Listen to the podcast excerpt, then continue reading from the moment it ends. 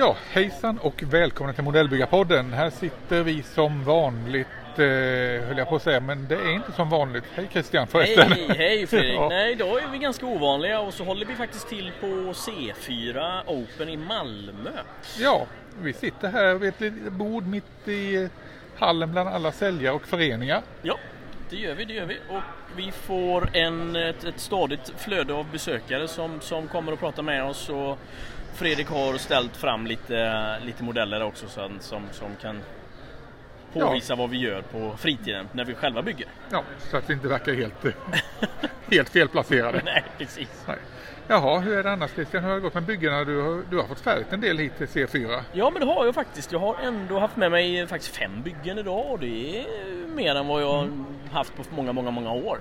Så att det, det känns kul och eh, det är ju som vanligt fantastiska byggen som står på bordet. Oh ja. Eh, Det är inte lika många som förra gången. Nej. Vi ligger på en 400 byggen eller något sånt där va? Just det, och sist var vi uppe på 700 lite drygt ungefär 700. Ja. Så, ja.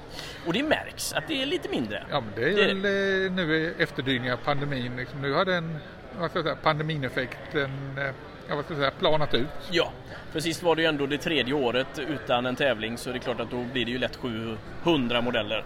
Så 400 på ett år får väl ändå vara väldigt bra, Ja. tycker jag. Nej men det jag sett hittills här av C4 idag, det är lördag Mm. kan vi säga också. Första dagen. Och eh, nej men det har varit eh, väldigt imponerande. Som vanligt mycket, mycket hög klass på byggena. Ja men det är det, det är det faktiskt. Och vissa klasser som vanligt sticker ut lite mer än andra eh, i, vad ska man säga, i antal modeller. Och eh, juniorklassen i år var, tyckte jag var väldigt stor. Och eh, det är juniorer här jag har sett ifrån Göteborg bland annat och sånt. Så det är kul att det sprider Ja. sig. Och mycket flyg. Mycket flyg, mycket flyg. Ni kan flyg, eh, Malmöbyggarna. Ja. Och lite mindre li- inte så mycket sci-fi. Inte så mycket pansar. Nej, däremot kanske lite mer väldigt lite båtar. Väldigt lite båtar. Ja. Och kanske pa- mer pansar i, i mindre skalor kanske. Alltså 1,72, 1,48 kan det varit lite, lite mer. Men Ja. 1,35 verkar vara, där behöver vi allas hjälpas åt, hö, tänker jag. Så det får ni hjälpas åt med att bygga mer. Ja. ja, vi ska väl säga det också som sagt. Vi sitter ju här och kör live bland alla människor så därför är det lite brus i bakgrunden. Ja, så ha överseende med det. men det får vi Eh, säga, det är stämningsljud idag. Precis. Och vill du berätta lite grann om hallen vi sitter i? Vad... Eh, ja, vi sitter ju som sagt i hallen för eh, handlare och eh, klubbar. Mm. Och har lite bord här. Här är ett antal olika handlare. Vi har ju Alfa Hobby, det är vad heter de, ASK, det är Pilot Replicas, det är många. Just det, och, och det, eh, det triggar verkligen Ja. köpnerven, det måste jag ju absolut säga. Ja, det är farligt här. Dyrt och farligt. Ja, vad har du trillat i på hittills idag? Eh, idag har jag köpt lite blandad kompott. En, en australiensisk eh, radiobil i 172 från IBG bland annat. Otippat. Väldigt. Mycket otippat. Snudd på jättekonstigt. Men annars, du, du påvisar ju att det fanns en, ehm, en, en 8,8 cm granat i 1 till 1 här. Ja, Eh, Den har inte fallit dit för den. en. Än. Men vi får se, mycket kan hända. Ska detta bli som det här med ankaret också? ja, eventuellt. Nästa grej efter Yamatos ankare så behöver vi köta om Christian och en 8 8,8 centimeter. Ja, ja. Nej men det finns väldigt mycket fint och roligt här. Och saker som vi inte kanske normalt sett kan klämma på heller. Det är eh, eh, Hataka är ju här och Life Color och, och lite sådana. Ja, jag såg en eh, fantastisk eh, modell här av en Dornier DoX, alltså det här passagerarplanet Mm. från mellankrigstiden Ja, i 148.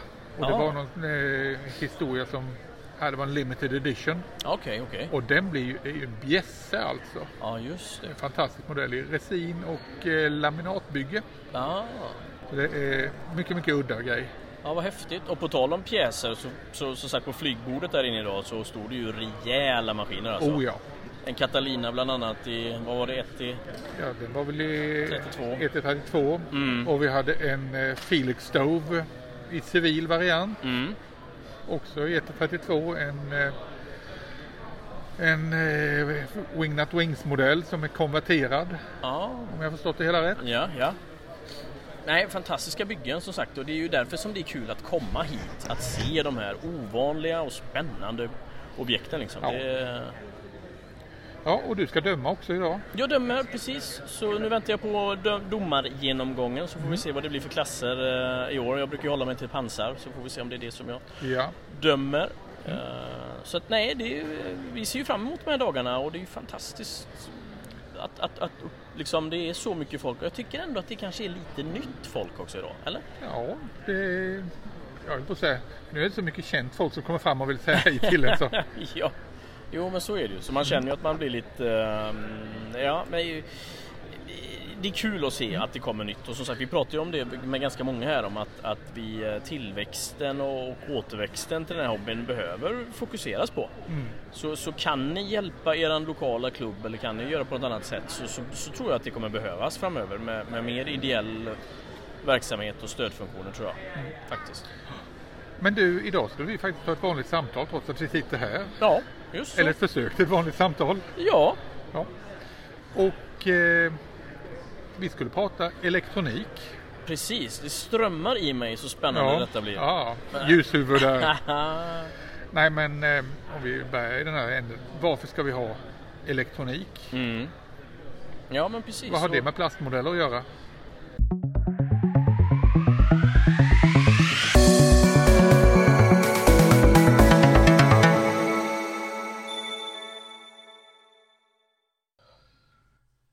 Jaha du Christian, nu skulle vi egentligen eh, sitta på C4 och spela in det här men det blev inte riktigt så för det kom en massa emellan och ja, tiden gick. Vi hade alldeles för roligt höll jag på att säga. Vi hade fantastiskt trevligt och det var eh, mycket snack och gött kött med många, många andra. Så att vi, nej, vi fick eh, prioritera andra saker på, på C4. Ja. Så därför sitter vi här nu måndag kväll istället. Mm. Efter C4 och eh, ska som sagt prata elektronik Ja, i modellbygge. ja precis. Varför eh, ska vi ha elektronik i ett modellbygge överhuvudtaget? Vad, nu tänkte jag att jag är så mycket på det, men var det någon annan elektronik som du fastnade för på, på C4? Ehm, nej, det var det nog inte. Nej, nej. Så det eh, Eh, finns utrymme jag, för att... nog inte, jag såg nog inte i så många modeller mer än min, nej. Nej, nej. Men å andra sidan, jag tittade inte så noga. Så jag, jag ber om ursäkt till om det är någon av er som har ställt och jag missat det. ja. Det var inte min högsta prio att eh, jaga lysdioder. Nej, nej. Och det var ju på dagen vi var där och tävlade så att det var ju kanske svårt att se. Ja. Nej men som sagt, varför ska vi ha elektronik i ett modellbygge? Mm. Vad tillför det? Mm. Det är väl en bra fråga. Ja men det är det ju, det är det helt klart. Och vi har ju pratat lite grann om det här med, med rörliga ljus i en stationär miljö och så vidare och så vidare också. Så att vi har ju snubblat vid ämnet innan har vi gjort. Ja. Nej men det är som sagt, boxade dioramer det är ju en sak. Där behöver vi verkligen ha ljus alltså för att skapa stämningar och så vidare. Annars så är det ju att titta in i ett gruvhål ungefär. Mm. Nu kan man för sig bygga ett gruvhål och då kanske det ska vara lite mörkt men jag tror inte det är någon höjdare på det sättet. Men nej, nej men då, då är ju ljuset viktigt för då det bygga upp en scen verkligen. Ja. Men eh, ja, vad skulle få dig att sätta in elektronik om vi nu fokuserar på ljus just för vi vi kanske inte ska prata så mycket om motorer och sådana här saker. Ja, Nej men det kan vi precis. i och för sig göra också. Varför ska vi inte prata om motorer kan vi väl börja med att säga. Mm. Och det är väl egentligen, eh, ja, om jag själv får svara på det. Det är bara låt mig prata på. Nej, men det är väl just det här med att eh, diorama är ju en, eh, det är ju en, som vi ser det, en, en ögonblicksbild. Mm. Och saker som rör sig då i förhållande till den statiska delen av modellen. Det kan vara lite, bli lite konstigt. Det är ju ett fruset ögonblick som du säger och eh, eh, eh, det vi också pratat om det är ju om, om figuren då är i rörelse eller gör någonting och det finns ett, ett andra rörliga parametrar på dioramat så blir det ju, då krockar ju det. Men i teorin om det står någon och värmer händerna i en öppen eld som flackar lite grann så skulle det ju kunna fungera. Där kan det funka ja. Mm. Men som du säger, explosion? Nej, det är det nog inte. Och eh, jag höll på att säga det här är ju inte vi först att säga det här utan våra kollegor i Just Making Conversation, de har ju gjort samma iakttagelser som vi. Mm. Och ja, jag är ju helt överens med dem att i de här actiongrejerna det funkar inte. Men som vi också väl har sagt innan att om man till exempel i ett flygplan kan köra hela startsekvensen Ja, ja. med att en motor startar och nästa motor startar. Så, ja, det kan funka. Så man ska inte säga, vad ska jag säga, vara kategorisk och säga att nej, det går inte. Utan, det är väl Nej. från fall till fall. Ja, ja. Ja, men jag kan nog se, eh, som du säger, när man gör ett boxat diorama eller man gör exempelvis ett, tak. Om man tänker på din, ditt diorama Sleepyhead så har ju du ljuset, Ja. det tänker jag primärt för att annars hade det varit svårt att se under taket där. Ja, det Eh. var därför jag fick, det, för att det, det blev en nödvändighet. Mm, mm, ja, precis. Och det kan jag tänka mig. Och likväl som att man vill belysa kanske en specifik... Eh, jag skulle nästan kunna se framför mig att man... Man har ett mörkt diorama och så sitter någon under en lyktstolpe för att kunna belysa upp det och så vidare. Eh, men det finns ju många andra goda anledningar att ha ljus också. Och det jag triggas av lite och skulle tycka var kul det är ju det här sci-fi att att du har en kontrollpanel som lyser eller i, på Tjernobyl, eh, Pripyat att du har en kontrollpanel som lyser då. Ja det, ja, det hade jag tyckt var lite sexigt faktiskt. Ja. ja, det är lite intressant det här du säger med mörker och ljus. För om vi tar de som är eh, figurmålare. Mm. Kan ju jobba med sån här directional eh, light.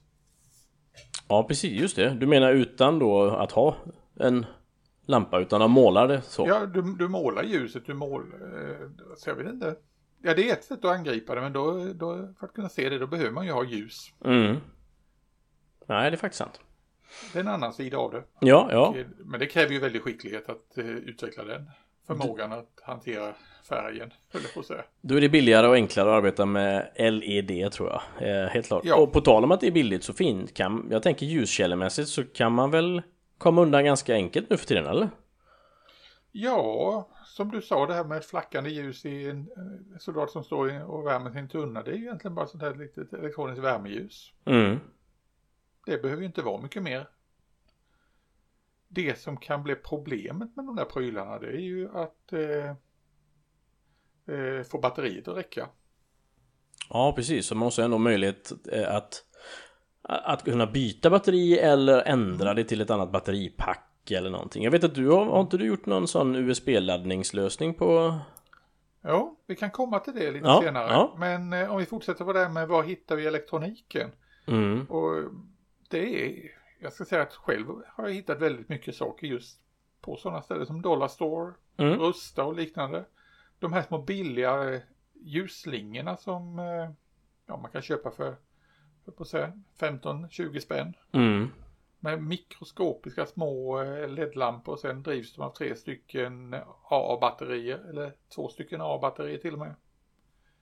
De är jättebra att använda som belysning. Ja. Och det kan man ju använda då som bakgrundsbelysning och liknande. Dölja bakom någonting. Mm. Och, ja, nej. och sen där ser det ju även då eh, LED-strips med de sitter LED-lamporna som på en tejp. Också köpa jättebilligt. Och till och med med lite fjärrkontroller nu för tiden ibland också så man kan ändra lite färger och... Oh ja. Oh ja. Så det här med att, eh, kan man säga att man behöver inte ha så jättemycket kunskap för att kunna börja jobba med, med LED i en modell. Utan det, det, det kräver planering, det gör det. Men det Mm. kräver nog inte så mycket kunskap. Du behöver inte kunna så mycket om elektronik. Nej. Annars är det ju kul att få löda lite. Så det är ju kul tycker jag. Ja. Jo, men eh, det som är det, vad ska jag säga, den knepiga biten, det brukar ju vara att eh, räkna ut och få det hela att stämma så att allting lyser så att inte man kortsluter eländet. Nej, nej exakt. Och bränna en led där, det känns ju onödigt när man har lagt ner så mycket tid på det. Eh, Det håller jag med om. Ja, för när du väl har byggt in en grej då brukar det ju vara svårt att fixa till det. Mm. Ja, kul. Men, eh, ja, hur, som sagt, om vi tänker att eh, man är helt novis. Mm. Du är väl ganska novis på det här med Absolut. Du har inte gjort några dioramer med den typen. Nej, jag har påbörjat ett litet bygge där jag blev inspirerad av en, eh, en grannfastighet till där jag arbetar och så var det en sån här klassisk ståltrappa och så en, en ful gul vägg. Eh, och där har jag gjort lagt belysning på insidan så tanken är att det ska se ut som att det är någon som jobbar där inne då i, bakom de här krumelurfönstren. Men, men det är ingenting jag har tagit hela vägen än och sådär.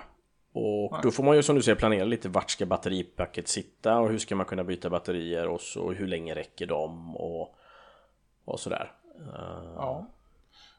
Och där kan man väl säga att det går ju som sagt mycket, mycket lätt att fixa elektronik. Mm, Det finns ju firmor som säljer färdiga sådana här små elektronikkit just för modellbygge. Det ja, är ju inga problem att få tag på det.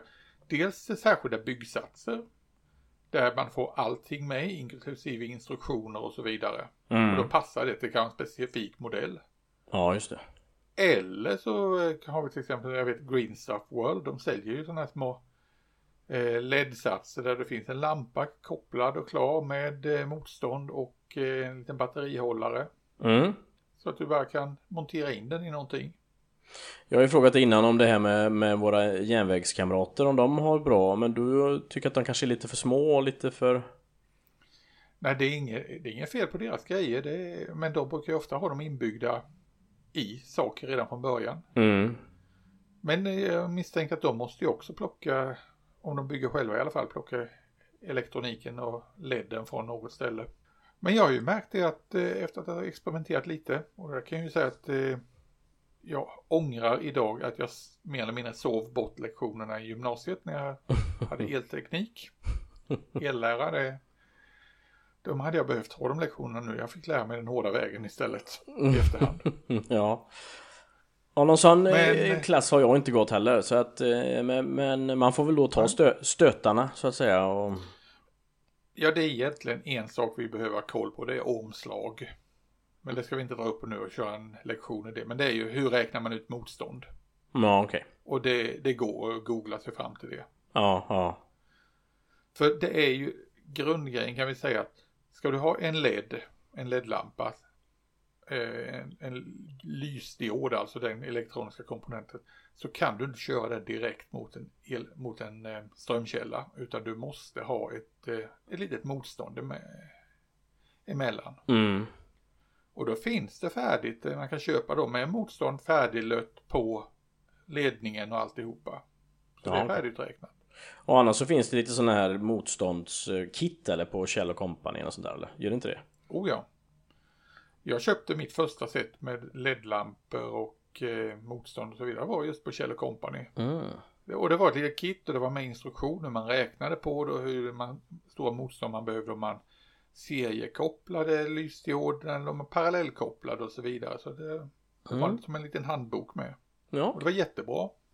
Så det var min början till det hela. Ja. Men eh, jag är ju lat och det är ju därför använder jag gärna de här färdiga grejerna som ja, enkla belysningar från Dollarstore och liknande. Mm. Samtidigt så, det är ju det vi har pratat om innan också att det, kan, det är ju alltid kul med en hobby i hobbyn så jag menar om man då är lite hobbyelektriker eller så här så kan ju sånt här vara ett jätteroligt komplement precis som det, att man etsar eller att man skriver, har en 3D-skrivare eller att man kaddar eller vad som helst så att det är kul när vi hittar fler saker i hobbyn. Nej, och sen som källor då för att eh, skaffa prylar Mm. har jag bland annat eh, beställt på AliExpress.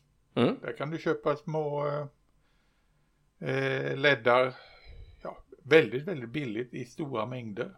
Mm, right. Även på den här, vad heter det, Wish finns det motsvarande. mm. Och ja, andra sådana här online-grejer som säljer liksom bulk nästan på. ja. Ja, man blir lite Och det sugen är men... ju det, ja det finns ju olika storlekar på dem också, det är det som är lite intressant. Och de kan man ju använda till olika prylar. Ja. Pytti pytti pytti Och- pytti. Och... Från pytte pytte till ganska stora. Och det som är stort det är ju egentligen då inte själva ledden i sig utan det blir ju eh, normalt sett om du tänker den här lilla runda ledden som är en eh, ja, halv, kupformad eh, liten plastbit sitter den i. Mm. Det är ju bara, det är bara plast runt om för att sprida ljuset och skydda själva elektronikdelen. Ja. Och den kan man ju till och med bearbeta och fila på. ja, just det, Den just lilla det. plastbiten. Eller bygga på eller göra någonting annat med den liksom. Man kan ju... Ja. Så det går ju att hitta på en massa prylar där.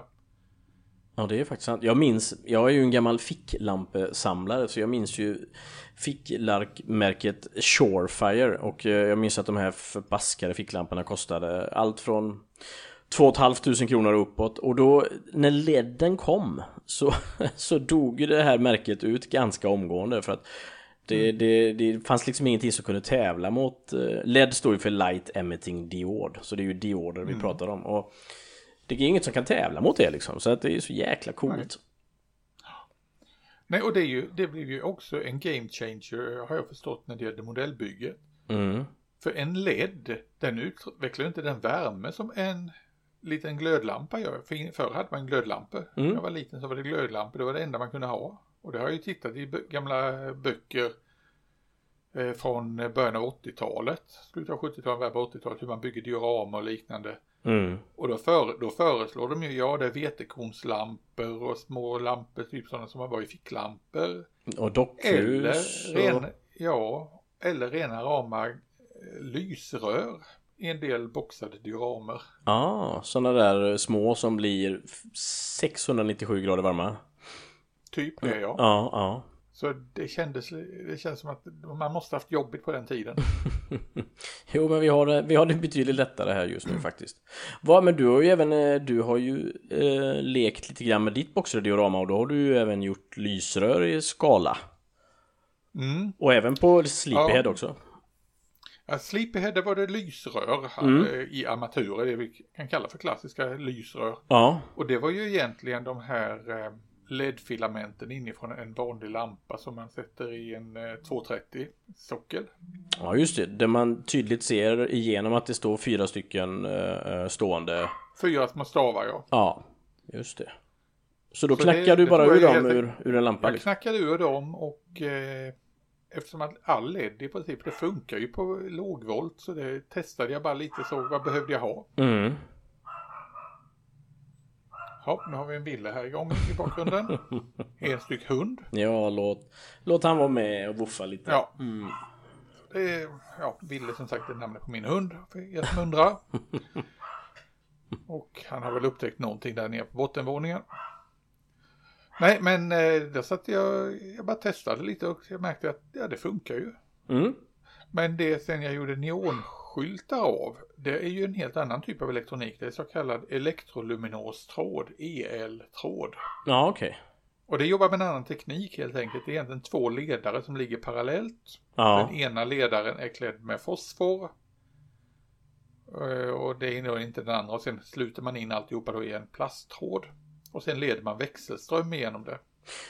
Innebär... Det är inte så att jag kan det här utan till och är jättekunnig i detta utan jag har bara läst på, på nätet. Ja, det lät som att du eh, var elektroingenjör i detta, helt klart. Mm, ja.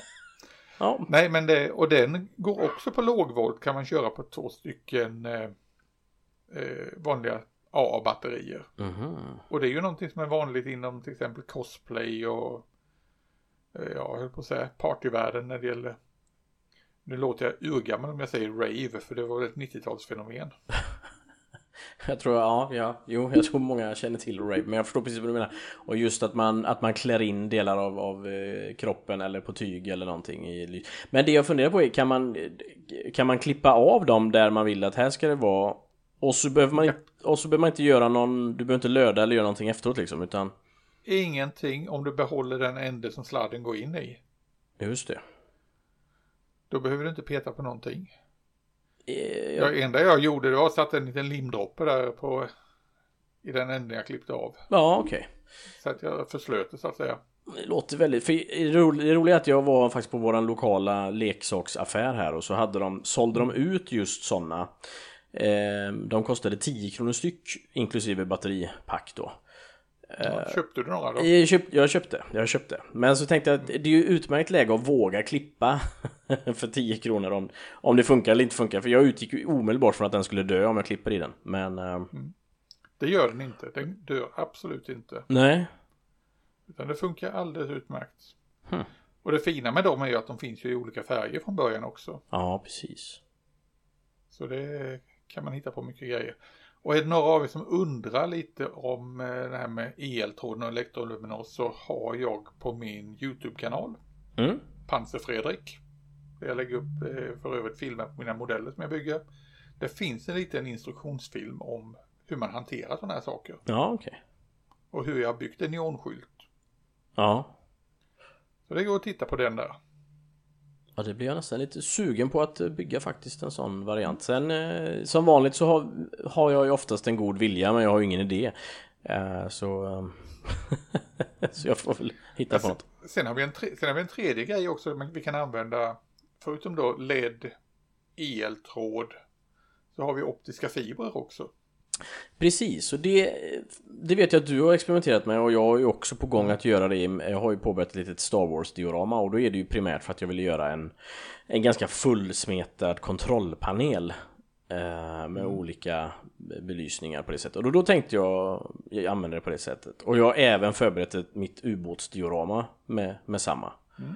Och du har ju kommit lite längre än, än att bara ha planerat och Ja, jag har testat det och gjort just det, här, det du säger, kontrollpaneler på det sättet. Mm. Att, eh, och då är ju fördelen då kan en eh, sån här eh, optisk fiber, Ja. den leder ju ljuset så det, det är ju bara i änden som den som det lyser ur. Mm. Men du kan ju sprida det här ljuset lite genom att värma den där änden. Så det, du vet vad som händer när vi tar och värmer en plasttråd i änden? Ja, det blir ju som en liten svamp i änden. Precis. Ungefär. Det blir, det blir inte en rund klot, Ja. ett klot eller någonting. Ja, ja. Och det sprider ju ljuset. Mm. Du kan ju få som en liten knapp ungefär. Ja. Och den kan vi ju färga in sen också med till exempel eh, Tamias transparenta färger. Ja. Så kan du få det rött och gult och grönt och vad du vill ha det. Ja, precis. Samtidigt som du då i andra änden kan ha en vanlig vit led. Mm. För de här trådarna kan ju vara ganska långa. Och de leder ju ljuset därigenom. Och då kan ju få dem igenom ganska trånga utrymmen också. Det är ju en fin grej med det hela. Ja, precis, precis. För att då... Eh, och det är ju bara att man samlar dem som en, i en klump på vägen fram och sen kan de ju dela, dela väg eh, bäst 17 de vill hela gänget. Eh, ja, men det är Och det, faktiskt kan spännande. till, det kan du ha till små fönster och grejer, små ventiler på rymdskepp och annat också för den delen. Ja, och du har väl lite skepp framöver där du ska ändå stoppa in ett tusentals belysningsmöjligheter. Det finns en del sådana där grejer på gång, ja. Nej men det är fantastiska prylar på det sättet och Mm. man behöver inte hålla på och jaga dem heller sådär jättemycket för att få hitta sådana grejer. Jag eh, fick tag på mina senaste eh, sådana här eh, optiska fibrer på Lidl faktiskt. Mm. Och det var i nyårstiderna. För när de, bland alla de här nyårsgrejerna, det stod gott nytt år och happy new year och Ja. ja, det var lite trumpeter och lite roliga hattar och grejer. Så låg det någon sån här liten batteridriven eh, eh, LED-bläckfisk eller vad man ska säga. Du vet, det ser ut som en liten blombukett som ja, ja just det. belyses underifrån. En liten prydnadspryl helt enkelt som gick på två batterier. Ja. Och då var det ju i princip Och bara några... Där hade jag, ja, det var 20 centimeters eh, bitar då med eh, optiska fibrer. Mm. Många hundra i varje sån här pack. Och det kostade 29 spänn eller något sånt där. Precis, jag har också köpt ett sånt på Lidl och då var det som du säger en liten vasaktigt och så skulle det stå ut som det gjorde på 80-talet eller så då hade man de här eh, eh, svampliknande sakerna. Men jag har ju även också beställt på om det var Amazon eller något sånt där i, i bulk. Och då det jag kunde tycka var att de var lite styva kanske så det var väldigt svårt att göra 90-gradiga f- vinklar då får man vara lite försiktig eh, för då gick det nästan Ja, av. då ska, du, då ska du värma dem lite försiktigt. Vet du. Mm, ja, jag kan tänka mig det. Att det är det som är grejen. För, Du, får, du får tänka lite som att när du ska jobba i plast helt enkelt. Ja, för de är ju lite... De är ju, sty, de är ju som piassavakvast eh, trådar men de är ändå lite styvare så det går ju att knäcka dem nästan liksom om man är, inte är försiktig. Om du är oförsiktig. Ja, ja. Sen vet jag ju inte om hur ljusbrytningen funkar om du vad ska jag säga, tar och eh, böjer dem för skarpt. Nej men det borde... Tror, Om, tror om att... den leder fram ljuset, men det får man ju testa helt enkelt. Ja, precis. Det borde ju funka, tänker man ju. Men ja, Ja. det får vi testa. Nej, så som, och med det här kan vi också säga då, ja, vi hittar prylar till elektronik överallt. Mm. Men du, jag vill säga en sak som kan vara ganska viktigt faktiskt eh, i sammanhanget. Och det är just det här med strömmen och strömkällor. Mm. Vi pratade ju innan om, eh, som sagt, att förr i tiden att det blev ju ja, rena, rena bakugnen kunde det ju bli med glödlampor och grejer. Att, eh, valet då mellan att smälta ner modellen eller belysa den.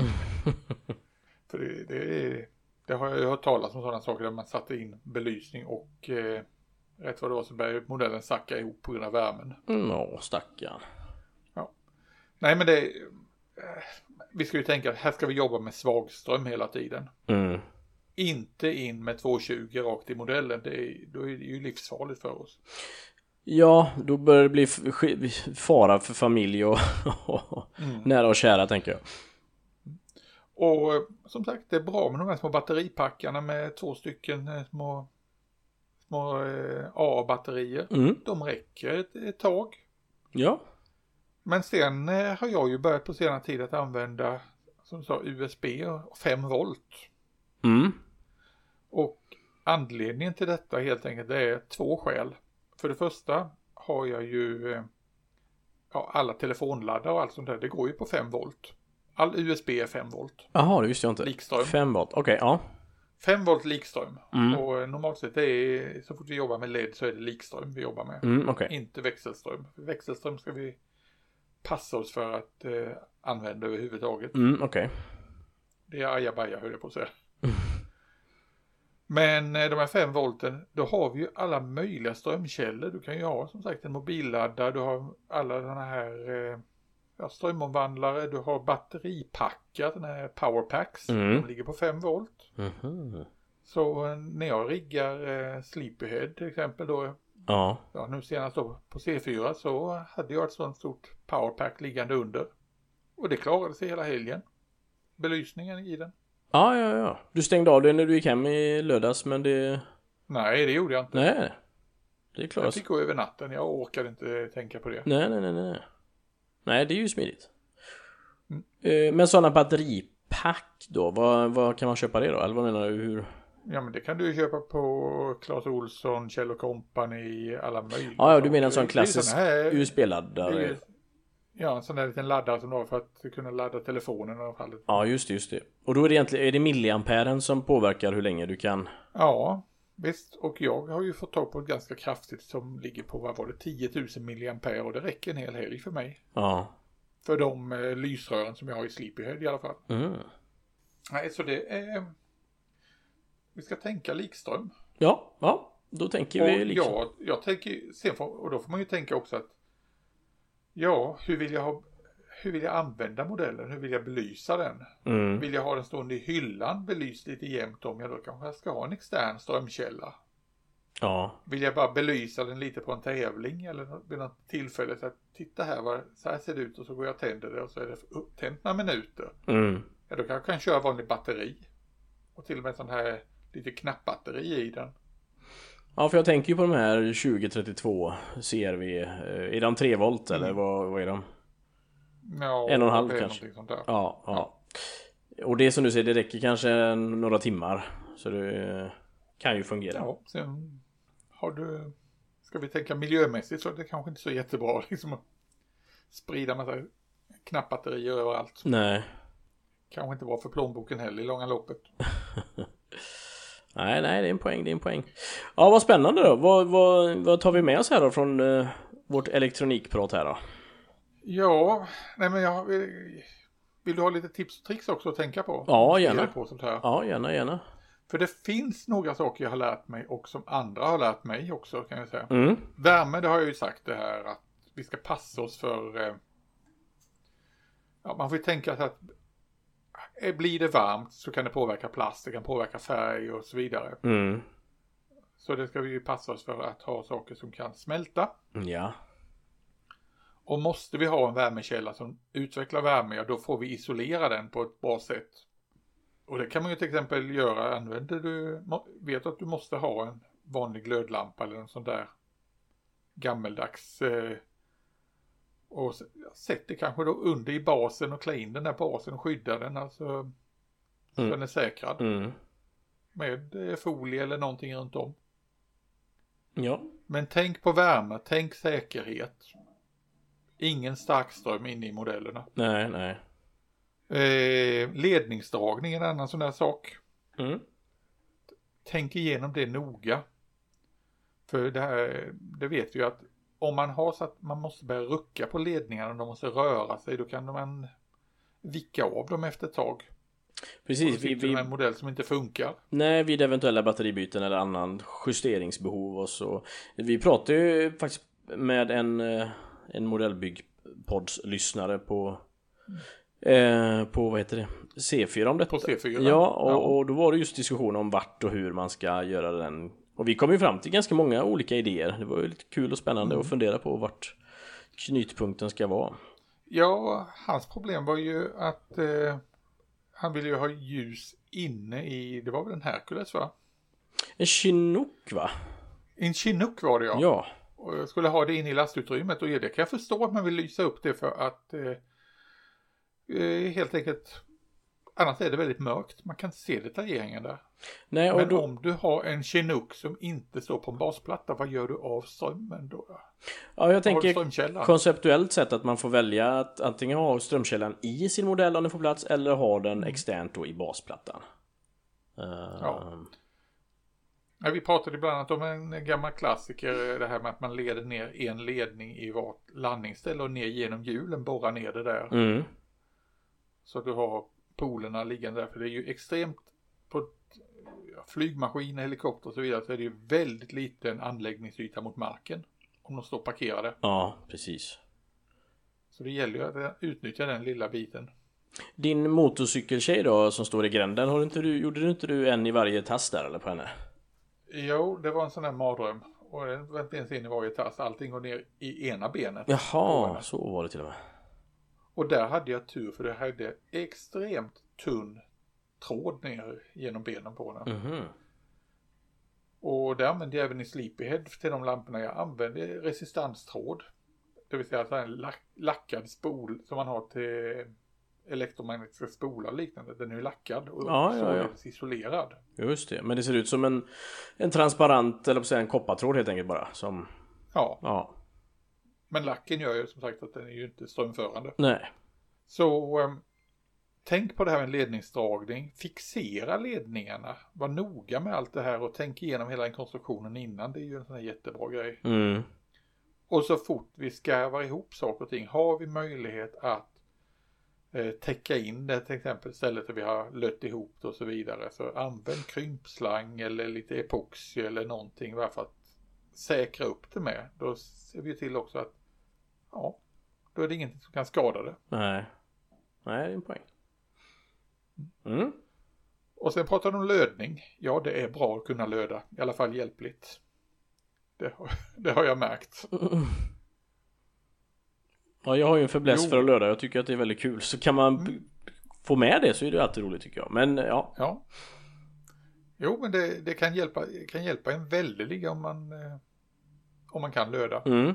Det, det öppnar möjligheter. Ja, och sen har vi den här klassiken som många har gått bet på. Att man har satt in snygg belysning ja. i en plastmodell. Och så tänder man den modellen ihopmonterad. Och ja, vad ska jag säga? Allting lyses upp. Mm. Rakt igenom båtskrov och allting. Ja. Eller flygplanskroppar. Känner du, har du sett något sånt någon gång? Jag har sett något sånt och jag har faktiskt även noterat det på mitt egna, eh, som jag sa, det här bygget på eh, det här grannkåken, eh, industribyggnaden ja. och då lyste det igenom kapaskivan. Mm. ja, då... det, är ett, det är ett bekymmer. Ja, det är faktiskt ett bekymmer märkte jag. Uh, det kanske inte... Så, ja, ja. Nej, där får vi köra faktiskt det som var tema på C4, deras temaklass. Mm. Paint it black. Ja målade svart eller ännu effektivare är faktiskt att måla med silverfärg. Mm. Så att det reflekterar Allra helst i kombination av bägge. Ah, okay. Först ett lager svart, mm. om du tänker på insidan av någonting, ett lager svart och sen ett lager silverfärg, för silverfärg funkar ju som reflektor också. Ah. Ja, det var ju fiffigt, så långt har jag inte tänkt. Så då, då kan du sprida ljuset. Mm. Men det blockerar ljuset mycket, mycket effektivt och det måste man ha. Annars så kan det bli ja, riktigt dåligt. Ja, annars så belyser man ju upp plasten inifrån och då ser man ju varenda mm. eh, sak som inte ska synas. Så det, det misstaget gör man bara ja, en, gång, en gång kanske. Det ser lite tråkigt ut med liksom en vacker Titanic-modell och sen, oj, vad trans var hon så transparent? ja, precis. Självlysande väggar. Och, ja. ja. ja. Nej, och sen, ja just det, det här kan man ju säga också att tänk också på vad det är för eh, hur varmt eller kallt ljuset är på, på LED-lamporna. Det finns ju alla möjliga. Mm. Det finns ju de som är riktigt blåkalla till de som är riktigt varma. Ja, precis. Jag har noterat nu eh, det här med Calvin, eller Kelvin kanske man uttalar det. Ja. Ehm, när, jag tänkte köpa en ny bygglampa till min egna lampa just bara för, för, för ljusets skull. Uh, och då kan man ju köpa, lumens kan man ju köpa allt från 130 upp till 460 lumens.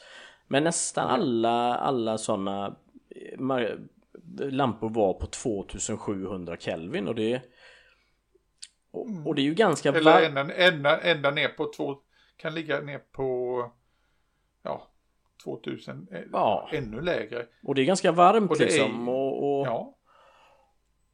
Så man får nästan uppsöka vi någon speciala. vi här uppe i Skandinavien, ja visst. Vi här i Skandinavien, vi vill ju ha varmt ljus. Mm.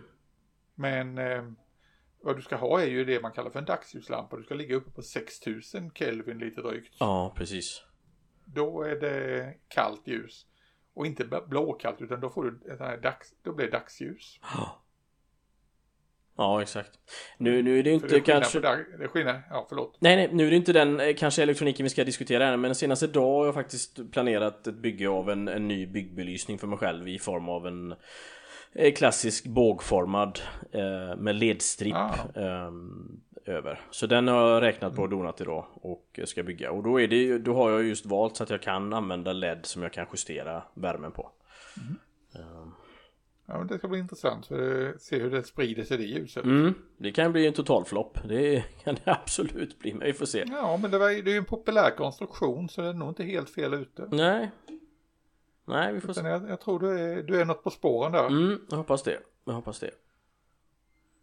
Ja. Nej, men det... Ska vi... Vad ska jag säga? Ska vi stanna där när det gäller elektroniken för idag? Ja, nej men det absolut. Har vi förvirrat våra lyssnare ytterligare lite? Ja, det tror jag att vi är har, bra på. Har ni funderingar, ni som lyssnar, så får ni väl höra av er till oss. Mm. Ska vi svara efter bästa förmåga. Precis. Ja, men eh, ska vi ta och knyta ihop säcken när det gällde C4? För det skulle vi ju egentligen gjort på plats där, men det var vi för trötta för när vi var färdiga. Så. Ja, vi ville bara hem. Vi ville hem och även om prisutdelningen gick geschwint och smidigt så, eh, så så stack ju tiden iväg, det gjorde den ju absolut. Men det var ju, det var ju, och jag kan ju, om man börjar bakifrån så kan jag uppskatta den här nya typen av att dela ut pris på. Där man, där man samlar allting som alla har. Om du har tävlat i fem klasser så får du och vunnit pris för tre så får du alla priser på samma gång. Samtidigt. Ja, samtidigt. Istället för att man räknar upp klassvinnare och klass för sig. Och det är klart att det var ungefär 22 flygklasser och det var... Ja, Ja, vi kan väl säga att Erik jobbade så svetten rann på honom. Det gjorde han verkligen. Det gjorde han verkligen. Det enda nackdelen kan, som jag, men då får man ju, nu var jag ju inte så aktiv på söndagen, då kan man ju, får man ju gå runt och se vem som vann vilken klass. Men det enda är att man tappar lite fokus på vem som blev klassvinnare då när man, när man mm. klumpar upp det. Men som sagt, det är ju mitt egna fel att jag inte var där uh, hela söndagen. Ja. Helt enkelt. Ja, det gick ganska bra för dig. Du hade med dig en del modeller. Det är bara konstaterade när vi spelade in som sagt inledningen här att eh, ja, du hade med dig fler modeller än vad du brukar ha. Ja, du hade till och med med fler modeller än vad du hade. Ja, det är liksom kors i taket. ja, faktiskt. Nej, jag hade med mig fem stycken maskiner, eller på att säga fem stycken objekt. Tre var eh, av vignett eller diorama-karaktär och så var det ett civil traktor och så var det vårt mm. skräpbygge då. Eh, jag tyckte att jag var jättefiffig som skrev bra miljöval på, vårt, på, på mitt skräpbygge och så skrev jag återvunnen modell. Mm. Men det var ingen annan ja. som tyckte. Nej. Nej.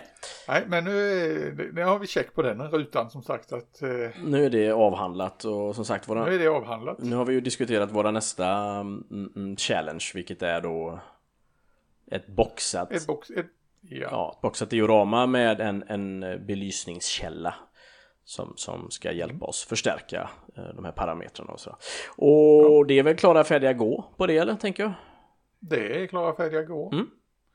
Vad var det vi sa för tid då? Det är Vi AIM nästa år eller?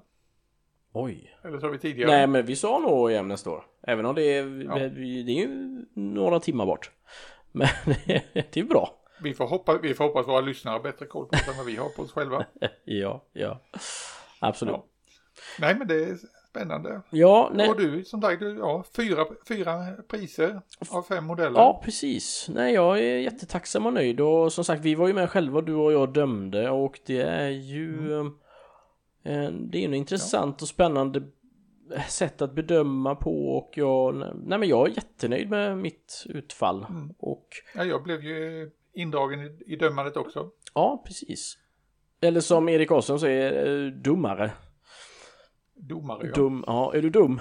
Med, med ett U ja. Mm.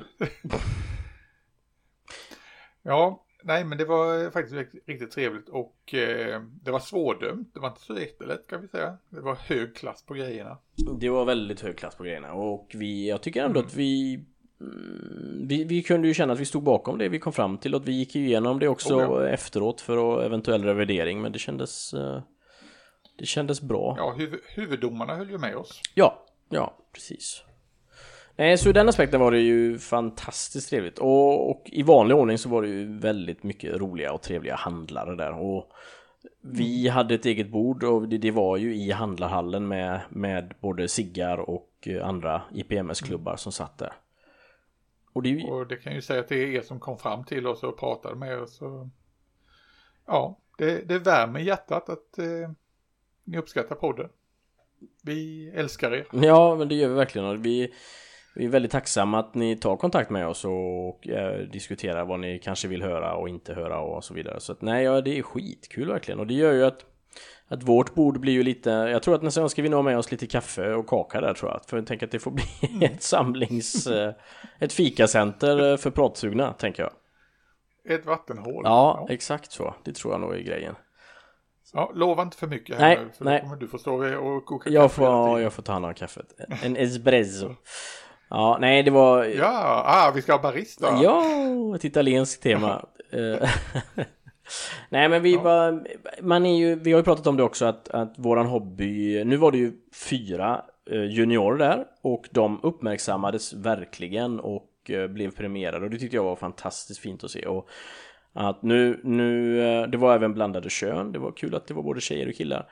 Och eh, vi får ju som sagt tänka på att den här hobbyn behöver ha en tillväxt och en återväxt som Det är ju någonting som vi vurmar för väldigt, väldigt mycket att det är viktigt. Annars så, så försvinner de här eventen och tävlingarna och byggträffarna och eh, vi måste ju jag ska inte säga lämna över till nästa generation för det är klart att nu finns det både unga och äldre byggare, det gör det ju. Men eh, Ja, vi ska inte ta sådana här tillställningar för givna för att de eh, det är mycket jobb bakom dem. mm, Otroligt mycket jobb. Det är mycket, mycket jobb eh, för ett antal få människor och så är det en liten större klick kanske då som är inne och stöttar betydligt mindre, men exempelvis som domare, det är ju en jättestor viktig del, men det är ju ett kortsiktigt arbete liksom för de som är där och dömer. Så hu- de som är huvudrollsinnehavarna är ju de här arrangörerna som, och det är ju en klick människor som verkligen lägger ner sin tid och kraft i detta. Så all heder åt dem, eh, verkligen. Vi är jättetacksamma. Mm. Du, eh, på tal om det här med juniorer Mm. och eh, vårt pris som vi delade ut. Ja. Det vi delade ut som sagt eh, Modellbyggarpoddens lilla pris.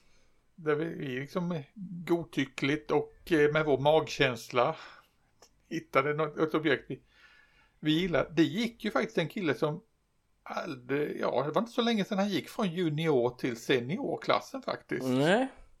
Och det var lite sött för vi gick där i våran goda ro och val... Eh...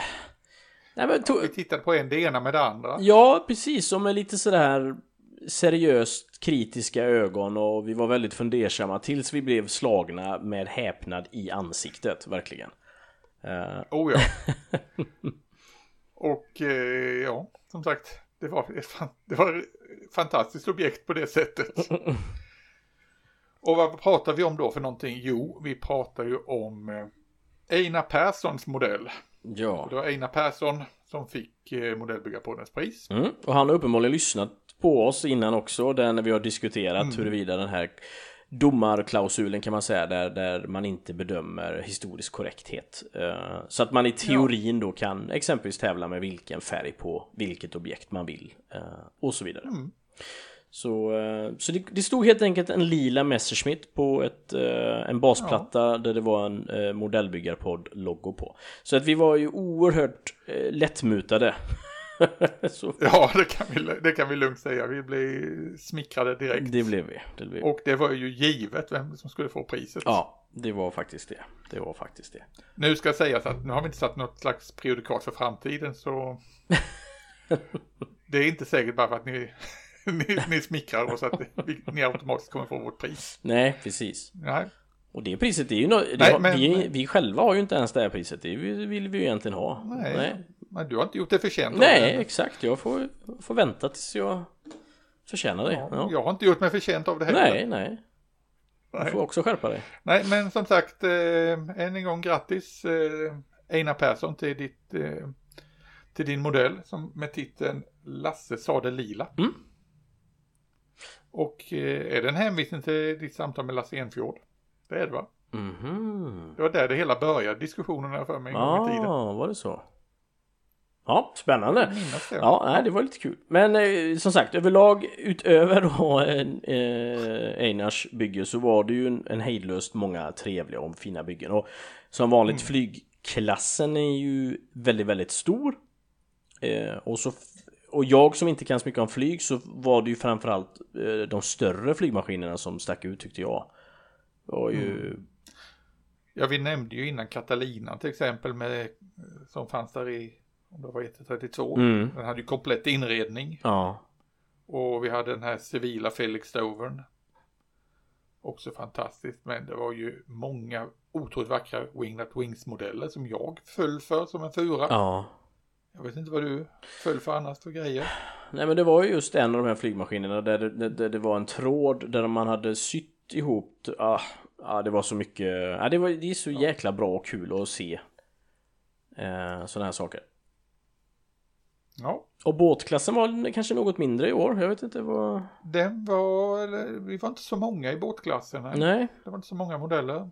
det var två, Men två det gick, det, ja, det gick rätt så bra för mig i alla fall. Det var två klasser var det ju. mm. En i all, som alltid i, på C4 så är det allmän bedömning och utökad bedömning. Ja Ja, vill du berätta lite hur det gick för dig? Ja, det, jag hade med mig fyra modeller Mm. och det blev ett guld Ja, och tre silver. mm. Och det blev ett eh, guld för Sleepyhead ja, och sen var det silver för bland annat mitt Liberty-fartyg ja och eh, återvinningsmodellen mm. och även för min lilla nudelmugg med en maskinenkriger i. Just det, och den fick även konkurrens såg jag, det var någon annan som hade gjort en I alla Ja. fall byggt modellen men inte med tillskottet. Det var ju kul att se.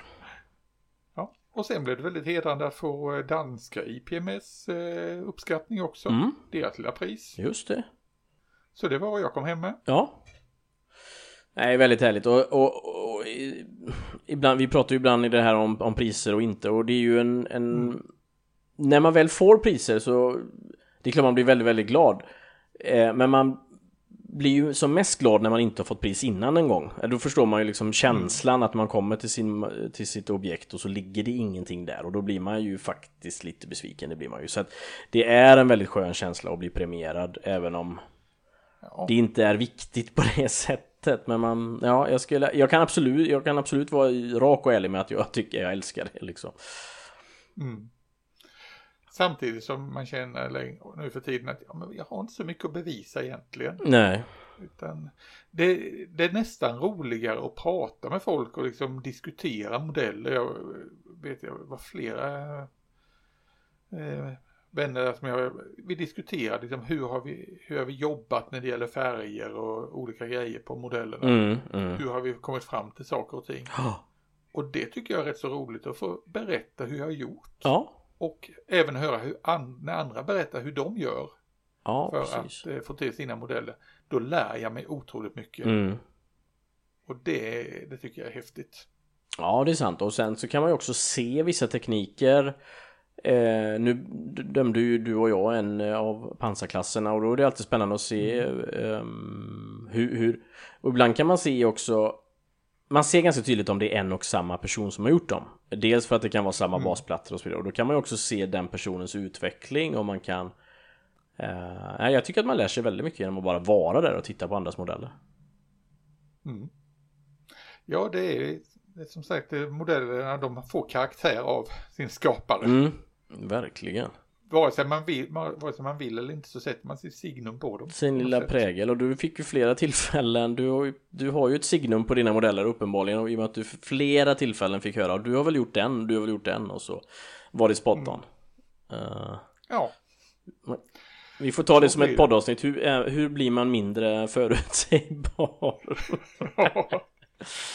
ja, ja, bygga andra kategorier kanske. Ja, annat. exakt, exakt. Ja, spännande. Vad, hann du köpa någonting då? Ja, det, det blev mycket färg den här gången. Mm. Eh, det är ju en holländsk handlare där som eh, han säljer ju Life Color. Mm. Så det tog jag eh, stackade upp med lite Life Color färger för jag har börjat gilla dem nu särskilt i båtbyggarsammanhang. Ja. Så det tror jag tänkte jag skulle experimentera och sen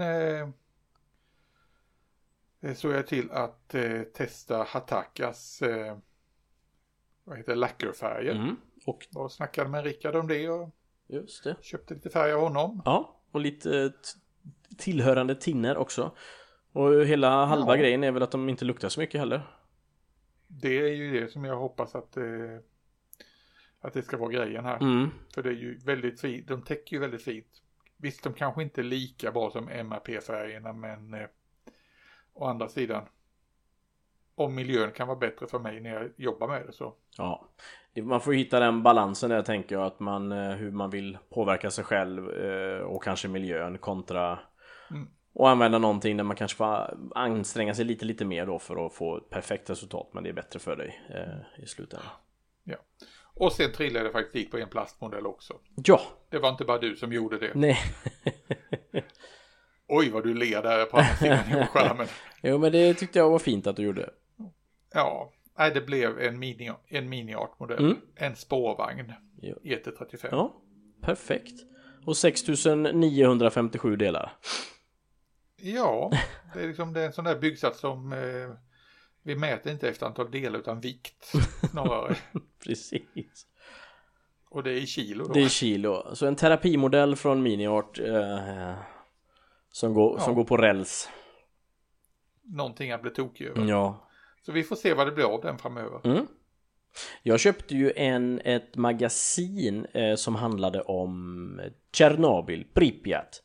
Och, okay. eh, och jag hamnade, jag hade med ett damsällskap och jag hamnade lite grann i en diskussion med henne om eh, de här att det finns, det är inte osällan det, det byggs militärt naturligtvis, krig och elände och sen finns det ju den här postapokalyptiska sidan också och, och hon, hon ställer sig frågan varför man inte bygger mer glada, glada och roliga saker. Mm. Och det är ju en rimlig fråga, absolut. Ja. ja men du får ju slå ett slag för det då genom dina dioramer. Ja, det, jag bygger väl kanske mer romantiskt nu för tiden. Eh, mer med fokus på, på en vardag eller ja. Så, så ur den aspekten så kan jag ju förstå henne men men det jag tycker det jag tänker något vi ska prata om framöver också vad det är som och vi har väl snubblat in på ämnet innan också. Just det här hur vilka objekt och inte och man kanske kan märka en tendens att vi bygger mer och mer civilt och lite åt det romantiska hållet snarare än på något annat sätt. Och det kanske är det som premieras också kanske i eh, sådana här tävlingssammanhang.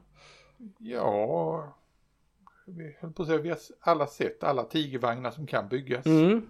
Det, är ungefär, det är ungefär det tror jag. ja, precis. Och frågan är vad nästa steg är då. Är, är, vi, är vi trötta på, å andra sidan, det var ju en hel del dioramor här som eh, det var väl ett första världskrigsdiorama där de slogs exempelvis. Mm. Britter och tyskar. Nej men det, vi får väl se vad, som, vad framtiden ger. Mm. Men du, eh, nu har vi ett bra tag att jobba med modeller. Det har vi. Det är väl egentligen inga utställningar eller någonting förrän nästa sommar. Nej, precis, Egentligen. precis. Ehm, I och med att det blir inget 08 Open i vår. nej, det blir ju inte det så som det ser ut nu och det är ju naturligtvis beklagligt men det är ju bara att acceptera att det är så. Eh, så får vi hoppas att som sagt i eh, Östergötland så har man ju en byggträff i alla fall. Mm. Det kommer ju En bygghelg, En bygghelg, ja. på flygmuseet. Mm. Och i år så, eller nästa år så ska jag ta mig tusan ta mig dit och för att se till att bilen funkar. Ja, du gjorde ett tappert försök sist där ja, men Jag gjorde ett tappert försök, kom till Smålands Stenar och sen fick jag vända. ja, bilhaveri, ja, usch och fy. Men nästa gång eh, så kan vi Nästa gång ska samåka. jag komma i alla fall upp till Jönköping. Precis. Baby steps. Ja, Ja. Nej men du har helt rätt, det som sagt finns en hel del att bygga och ehm, vi har ju pratat om att kanske också ha någon bygghelg framöver i MBPs anda. Men vi får se vad som händer nästa Ja. år. Men du, avslutningsvis då, nu när du har liksom byggt ihop grejerna för C4, allting det blir, han blir färdigt och så vidare. Mm. Vad ligger på ditt byggbord här nu? Nu, Vad är det du ska kasta dig över? nu är det precis det som jag pratar om ibland om mitt Jag vet vad jag vill göra i form av eh, färg objekt och så vidare och så vidare. Men jag har ju ingen idé. Jag vill göra någonting som är vinter och snöbaserat. Så det är nästa koncept. Så det är det jag går och tänker på hela tiden här nu. Eh, Det ska vara lite eh, blöt snö möter eh, kall snö och så vidare sådär Ja, ja. Vi är på väg in i en årstid så du kan ta hur mycket referenser som helst. På det. fuck, åh gud vad gott det ska bli Istället för att ta kort på massa buskar och, och träd så ska jag ta kort på eländig snö och slask Ja, snödriver med gula fläckar och liknande saker. Ät inte den gula snön, precis Nej, Där hade vi kanske idén, en skylt ät inte den gula snön hmm. hmm. Ja, att fundera vidare på eh, Hur ser det ut själv då? Vad ska du? Nu har du byggt klart Eh, båt och ja. allting här och... nu har jag byggt, byggt båt och eh, jag trillade ju dit och öppnade ett nytt, en ny låda med en båt direkt efteråt faktiskt. Jaha. Jag har redan en liten båt liggande här på byggbordet men sen ska det faktiskt bli lite maskinenkriger också. Oh Det låter inte så dumt Ja, och lite andra meckar och grejer så jag ska in i sci-fi-träsket igen. Jag längtar dit. Ja, det låter faktiskt fint. Jag kommer på att jag köpte ju Maskinenkriger i rätt skala, så att det kanske jag faktiskt ska engagera mig lite i. Mm. Eh, att fundera på. Mm, mm. Nej, som sagt, vintern är räddad. Ja, Vi kommer inte vara sysslolösa. nej, och nu har vi gått in eh, på riktigt i höstperioden också med, med lampor och, och tider här, eller på att säga nu i- söndags. Så att nu eh, finns det inga anledningar att inte bygga. Men du, eh, då säger vi väl så. Det- Så får vi Det gör höras av här. Absolut. Tusen tack för att ni lyssnar på oss och tack för att ni är trevliga när vi ses. Så eh, Ja. Och tack till alla er som arrangerade C4. stort tack. Ha det så fint nu. Ja. Ha det bra. Hej hej! Hej.